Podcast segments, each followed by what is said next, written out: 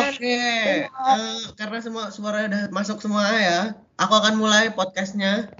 Oke semua, selamat datang di podcast baru kita Healthcare. Jadi karena podcast baru kita, mau kita kasih tahu nih, di podcast ini kita akan bahas seputar kesehatan. Untuk teman-teman yang ada di sini maupun teman-teman mendengarkan, hari ini kita akan membahas seputar kesehatan yang terjadi di, di dunia ini ya, apalagi dengan coronavirus. Di sini aku ditemenin sama Dinda Humayroh, ada Zabrina Rizky, terus ada Widi Amirul Isnaini, ada Risti Nurwidowati, ada Elena Rizka Dewi, sama Clarissa Odilia. Di sini aku uh, di sini aku Muhammad Haidar Faras akan membawa jalan acara podcast ini ya. Jadi supaya nggak hambar-hambar banget ya. Uh, hari ini kita akan bahas tentang coronavirus. Ya, gimana teman-teman? Siapa mau berpendapat? Bener banget nih kan, lagi masa pandemi banget nih pasti isunya yang paling panas. Gimana nih kalian nih, masih pada anteng kan di rumah? Anteng dong, Masih dong, Masih banget, Zap. Bagus deh, bagus, bagus, bagus. Pandemi ini tuh banyak banget ya dampaknya. Dan kapan sih selesainya? Nah ini nih yang nggak jelas nih. Selesai tuh kita nggak bisa nentuin ya. Apalagi ini tuh kan udah masuk pandemi ya. Di mana-mana udah kesebar. Gimana apa namanya ya. Virusnya tuh udah. Wah sulit, sulit, sulit sekali. Nggak kayak penyakit-penyakit yang dulu-dulu. Dulu-dulu sekarang kan penyakit-penyakit yang dulu itu udah bisa ditangani ya. Apalagi sampai sekarang vaksinnya tuh masih belum jelas. Gimana nih teman-teman? Ada yang bisa nyebutin nggak? Biar yang dengerin tahu ini loh Ras, yang terlihat dari segi kesehatan kan, ternyata tuh COVID ini banyak banget yang terdampak mentalnya loh. Ah, seriusan Din? Iya, beneran. Kemarin aku baca berita dari kompas.com, di situ nyebutin kalau 74,9% orang berusia 18 sampai 24 tahun dan 51,9% dari mereka yang berusia 25 sampai 44 tahun dilaporkan mengalami masalah kesehatan mental. Banyak dari mereka yang merasa bingung, cemas, stres, frustasi, dan juga khawatir nggak cuma orang dewasa loh yang terganggu mentalnya, tetapi juga anak-anak. Anak-anak ini merasa bahwa pola asuh sejak belajar dari rumah dan gangguan pelayanan lainnya mengakibatkan mereka mengalami gangguan mental. Nah, dipikir secara logika aja kali ya, kalau stres ini berkepanjangan, nanti pasti berdampak pada imun tubuh. Apabila imun tubuh menurun, pasti orang-orang juga rentan terkena virus COVID-19 nggak sih? Nah, iya bener banget Dinda. Kemarin aku juga baca dari beberapa artikel banyak yang ngomongin kalau pandemi COVID-19 ini berdampak banget ke kesehatan mental semua orang. Contohnya nih, kayak artikel dari Halodoc dengan judul Survei WHO tentang Kesehatan Mental dan COVID-19. Terus ada dari CNN Indonesia uh, tentang pandemi COVID-19 menghancurkan kesehatan mental menurut keterangan dari WHO. Terus ada lagi dari BBC News tentang dampak psikologis akibat pandemi COVID-19 diduga akan bertahan lama. Dan masih banyak lagi artikel yang mengangkat tentang isu ini. Dari WHO sendiri juga mengakui kalau pandemi ini berdampak pada kesehatan mental. Jadi banyak banget yang angkat isu tentang pengaruh pandemi ke mental orang-orang. Ya gimana nggak ngaruh ke mental coba? Kita ngelakuin semua kegiatan itu selalu di rumah. Ketemu sama orang yang itu-itu aja, dan kita udah ngelakuin kebiasaan ini sekitar hampir 8 bulan mungkin dari pertengahan Maret sampai sekarang. Yang emang bikin kita itu jadi gampang stres dan bosenin banget di rumah terus. Mau liburan juga nggak bisa karena emang dilarang. Jadi ya wajar aja kalau selama ini, selama pandemi ini, penderita gangguan mental itu semakin bertambah. Nah, bener banget tuh sama yang udah disampaikan Dinda dan juga Rara. Karena Organisasi Kesehatan Dunia yang tidak lain dan tidak bukan WHO juga mengatakan kalau pandemi COVID-19 ini bukan hanya mengancam kesehatan fisik ya, tapi juga mental. Nah, gangguan kesehatan mental yang terjadi selama pandemi ini disebabkan karena kita dan juga masyarakat itu dikelilingi oleh kematian, kemiskinan, kecemasan, isolasi yang tidak lain tidak bukan juga kita itu dipersempit nih ruang lingkupnya dan juga itu mengakibatkan kegelisahan-kegelisahan. Begitu banyaknya berita buruk yang kita dan juga masyarakat terima itu membuat diri kita dan juga mereka masyarakat, keluarga, teman terdekat, dan bahkan lingkungan sekitarnya itu terdampak. Nah, bagi sebagian orang juga, rasa stres yaitu reaksi tubuh yang muncul saat seseorang menghadapi ancaman, tekanan, atau suatu perubahan akibat COVID-19 ini tidak bisa dan tidak bisa mereka hadapi dan menyebabkan terganggunya kesehatan mental. Nah, terlebih lagi jika sebelumnya memiliki riwayat gangguan kecemasan, depresi, serangan panik, atau gangguan obsesif kompulsif. Juga beberapa kelompok yang rentang mengalami stres psikologis selama pandemi virus corona ini tuh ada anak-anak, lansia, petugas medis. Tekanan yang berlangsung selama pandemi ini juga itu menyebabkan gangguan berupa yang pertama, ketakutan dan kecemasan yang berlebih akan keselamatan diri sendiri maupun orang-orang terdekat. Yang kedua, perubahan pola tidur dan pola makan. Yang ketiga, bosen dan stres karena terus-menerus berada di rumah, terutama sama anak-anak, apalagi kita. Yang keempat, sulit berkonsentrasi. Kita banget kali ini, apalagi pas daring, belajar, kuliah. Ah, terus yang kelima itu, penyalahgunaan alkohol dan obat-obatan. Parah banget kan? Yang keenam tuh, memburuknya kesehatan fisik, terutama pada penderita penyakit kronis seperti diabetes dan hipertensi. Kenapa enggak? Karena kita juga tahu bahwa kesehatan fisik itu ditunjang sama kesehatan mental. Dan yang terakhir, munculnya gangguan psikosomatis nih teman-teman. Waduh, ngeri banget ya apalagi ini nih udah lama banget ya. Kata Rara juga tadi udah 8 bulanan ya. Uh, gimana nih teman-teman? Ada yang bisa ngasih tahu nggak cara mencegahnya gimana? Terus kalau misalkan kita nih karena udah bosen kan apa iya di rumah terus? Ya pasti kan kita harus keluar apa apa cari udara segar lihat pemandangan yang hijau-hijau gitu ya kan segar tuh mata ya. Apalagi buat yang pendengar nih cowok nih ya bisa lah ya lihat-lihat yang bagus-bagus pemandangannya ya. Nah, gimana nih? Ada yang bisa ngasih tahu nggak? Ah, gimana caranya kita keluar supaya aman nggak kena virus corona ini yang wah mengerikan sekali. Gimana nih teman-teman? Mau lihat hijau-hijau apa, Ras? Rumput? apa sayuran di dapur? Jadi gini, gini. Sekarang tuh kan ada namanya gerakan AKB. Udah tahu belum AKB itu apa? Belum, Kak. Jadi gini, pemerintah itu lagi gencar banget sama gerakan AKB. AKB itu namanya adaptasi kebiasaan baru. Terus adaptasi kebiasaan baru ini tuh lagi bener-bener diapain ya sama pemerintah tuh kayak kita tuh harus harus bisa adaptasi sama kebiasaan kita selama COVID ini.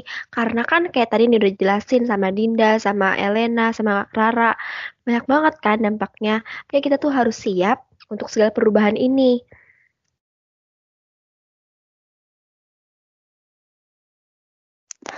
Uh, yang aku tahu, AKB itu cuma buat dan cuma mengarah ke kesehatan fisik aja nih. Emang bisa ya AKB itu mengarah ke kesehatan mental juga? Eh, jangan salah. AKB itu nggak cuma dari segi fisik kok, dari segi mental juga. Kan tadi udah disebutin tuh sama Dinda, sama Elena, sama Rara. Kalau dampak mentalnya tuh kan banyak banget. Nih, pertama kita kan pasti ngerasa bosen kan di rumah. Terus cara buat ngatasinya itu, pertama kita harus banyak-banyak bersyukur karena alhamdulillah kita masih terlindungi dari Covid, kita masih bisa aktivitas walaupun terbatas ya. Tetap harus bersyukur. Terus yang kedua, jangan lupa untuk terus berpikiran positif. Kenapa? Karena kalau berpikiran negatif itu bakal ngaruh banget ke mood. Terus kalau moodnya udah udah jelek nih, pasti kalian jadi bete kan ngapa-ngapain cepet ngeluh, terus ngerasa jenuh, pokoknya jadi nggak bersyukur juga kan kalau misalnya kita nggak berpikir positif. Terus selanjutnya nih, uh, kita bisa buat menghibur kita diri kita sendiri. Kayak kalian nih kan pasti suka sama drakor atau suka fangirling kayak gitulah. Boleh tuh, boleh-boleh buat jadi pencegahan biar kita tuh nggak stres terus di rumah. Tapi tetap harus ingat batasan ya, jangan sampai kalian lupa waktu. Ingat masih kuliah, masih banyak yang harus dikejar. Wah, ternyata AKB itu ngaruh ke berbagai aspek juga ya, nggak cuma ke kesehatan fisik aja. Uh, selama ini sih aku lebih paham AKB itu untuk kesehatan fisik. Karena beradaptasi dengan kebiasaan baru ini sangat diperlukan tuh, apalagi di tengah pandemi seperti ini, supaya tubuh tetap sehat kan.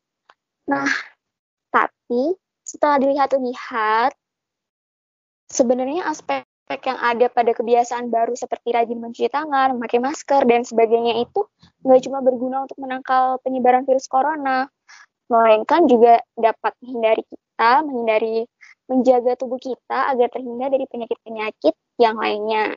Sehingga fisik kita tidak akan tersiksa tuh karena sakit.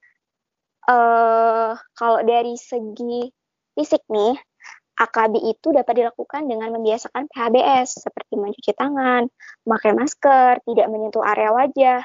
Terus kita juga harus memperhatikan aktivitas fisik yang akan kita lakukan baik di dalam maupun di luar rumah. Kalau kita di luar rumah tuh kita harus perhatikan untuk tidak menjalin kontak langsung dengan orang lain, menjaga jarak aman, dan untuk di dalam rumah kita bisa rajin olahraga tuh.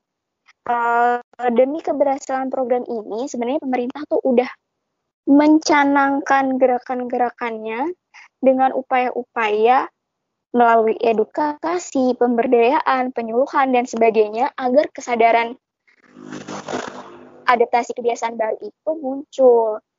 Nah, jadi tentunya manfaat AKB dari ini berdampak besar tuh, gitu. Ya nih, bener banget dari kata Sabrina maupun Widi. Nah, kenapa? Nah, lalu kenapa sih AKB itu penting jika kita lihat dari segi fisik yang tadi sama yang mental? Karena sekarang di era new normal yang kayak gini, masyarakat kan udah mulai beraktivitas beraktivitas lagi keluar rumah, aktivitas keluar, main ataupun kembali bekerja. Nah, masyarakat itu dituntut agar bisa lebih adaptif dan bisa beraktivitas kembali secara produktif, namun tetap menerapkan protokol kesehatan. Nah, kalau dilihat dari segi fisiknya itu, kita keluar rumah harus menjaga kesehatan kan? Kalau enggak, kita akan rentan untuk terserang penyakit, berbagai penyakit dan virus, apalagi kayak musim virus kayak gini, yang COVID itu. Kita makanya penting banget yang tadi yang dikatain Widi, kita harus berolahraga. Terus juga mengonsumsi, jangan lupa mengonsumsi makanan dengan gizi yang seimbang, karena dengan makanan yang bergizi seimbang kita dapat memenuhi kebutuhan vitamin dan mineral untuk tubuh kita. Terus juga bener apa ya itu PHPS hmm, penting banget pas kita keluar harus menerapkan ini. Karena dari luar kita kan bawa virus-virus mungkin kan yang kena di baju kita. Nah sampai di rumah kita harus cuci itu baju langsung mandi agar virus itu mati dan kita tidak membawa virusnya itu ke dalam rumah terus kalau kita lihat dari mentalnya sendiri AKP itu penting karena apa? Karena kan setelah berbulan-bulan di rumah, pasti akan bosan, terus depresi juga. Kapan nih corona bisa selesai, biar bisa kembali beraktivitas secara leluasa lagi. Nah, makanya itu kita tuh nggak boleh atau jangan berpikiran yang negatif-negatif dulu. Apalagi sekarang banyak banget berita hoax yang tersebar tentang COVID-19 itu. Makanya sebagai pengguna internet yang cerdas, kita harus bisa menyaring berita-berita yang benar tentang COVID-19. Jangan semuanya dicerna langsung ya, karena nggak semua berita itu benar. Nah, biar mentalnya kita tuh tetap sehat walaupun kita bisa bisa keluar rumah lagi, kita tuh harus penting banget menerapkan tadi yang benar kata Sabrina, kita harus selalu berpikir berpikir positif. Terus juga jangan lupa menyibukkan diri dengan hal-hal yang positif juga. Yang misalkan tadi ada olahraga, kita harus selalu beribadah. Terus kalau kita main keluar juga harus tetap menerapkan protokol kesehatan. Nah, penting banget jangan lupa setiap keluar rumah kita harus menerapkan protokol kesehatan agar kita bisa terus sehat dan tidak membawa penyakit atau virus yang ada dari luar rumah. Jadi penting banget kita harus bisa menerapkan AKP gitu. Nah, itu teman-teman dan pendengar semua. Penting banget nih mulai adaptasi sama kebiasaan baru ini, walaupun nantinya COVID ini akan menemukan vaksin, tetapi kita harus merubah pola hidup kita menjadi lebih sehat lagi. Bener banget tuh yang dikatain teman-teman, termasuk data-datanya. Itu semua sangat penting, apalagi kita nih lagi bener-bener diuji ya. Nah, ya banyak sekali yang bisa kita ambil hikmahnya ya. Salah satunya dengan menjaga kesehatan ya. Menjaga jarak satu sama lain dan gimana caranya supaya kita tidak menyebarkan dan kita mendapatkan virus yang virus COVID-19 itu sendiri. Ya, itu aja eh, teman-teman eh, ya Uh, mohon maaf ya, ini podcastnya ini agak agak-agak ada suara-suara gangguan lain ya, karena kita kan tetap melakukan protokol kesehatan ya, berjarak jauh. Oh jauh sekali, ada yang di Depok, ada yang di Bogor, ada yang dari mana-mana, jadinya aman lah pokoknya. Ini kita cuma hubungan dari internet, jadi ya kita sekali lagi mohon maaf ya bila ada salah-salah sedikit. Ya semoga apa namanya ya ilmu yang kita berikan, kita sharing dalam podcast ini bermanfaat ya uh, ambil hikmahnya, buang negatifnya. Kami semua mohon maaf. Selamat menikmati dan mendengarkan episode-episode lainnya. Terima kasih. Sampai jumpa di Tembalang. Dadah semua, tetap patuhi protokol kesehatan ya. Tetap lakukan 3M. Bener banget. 哎。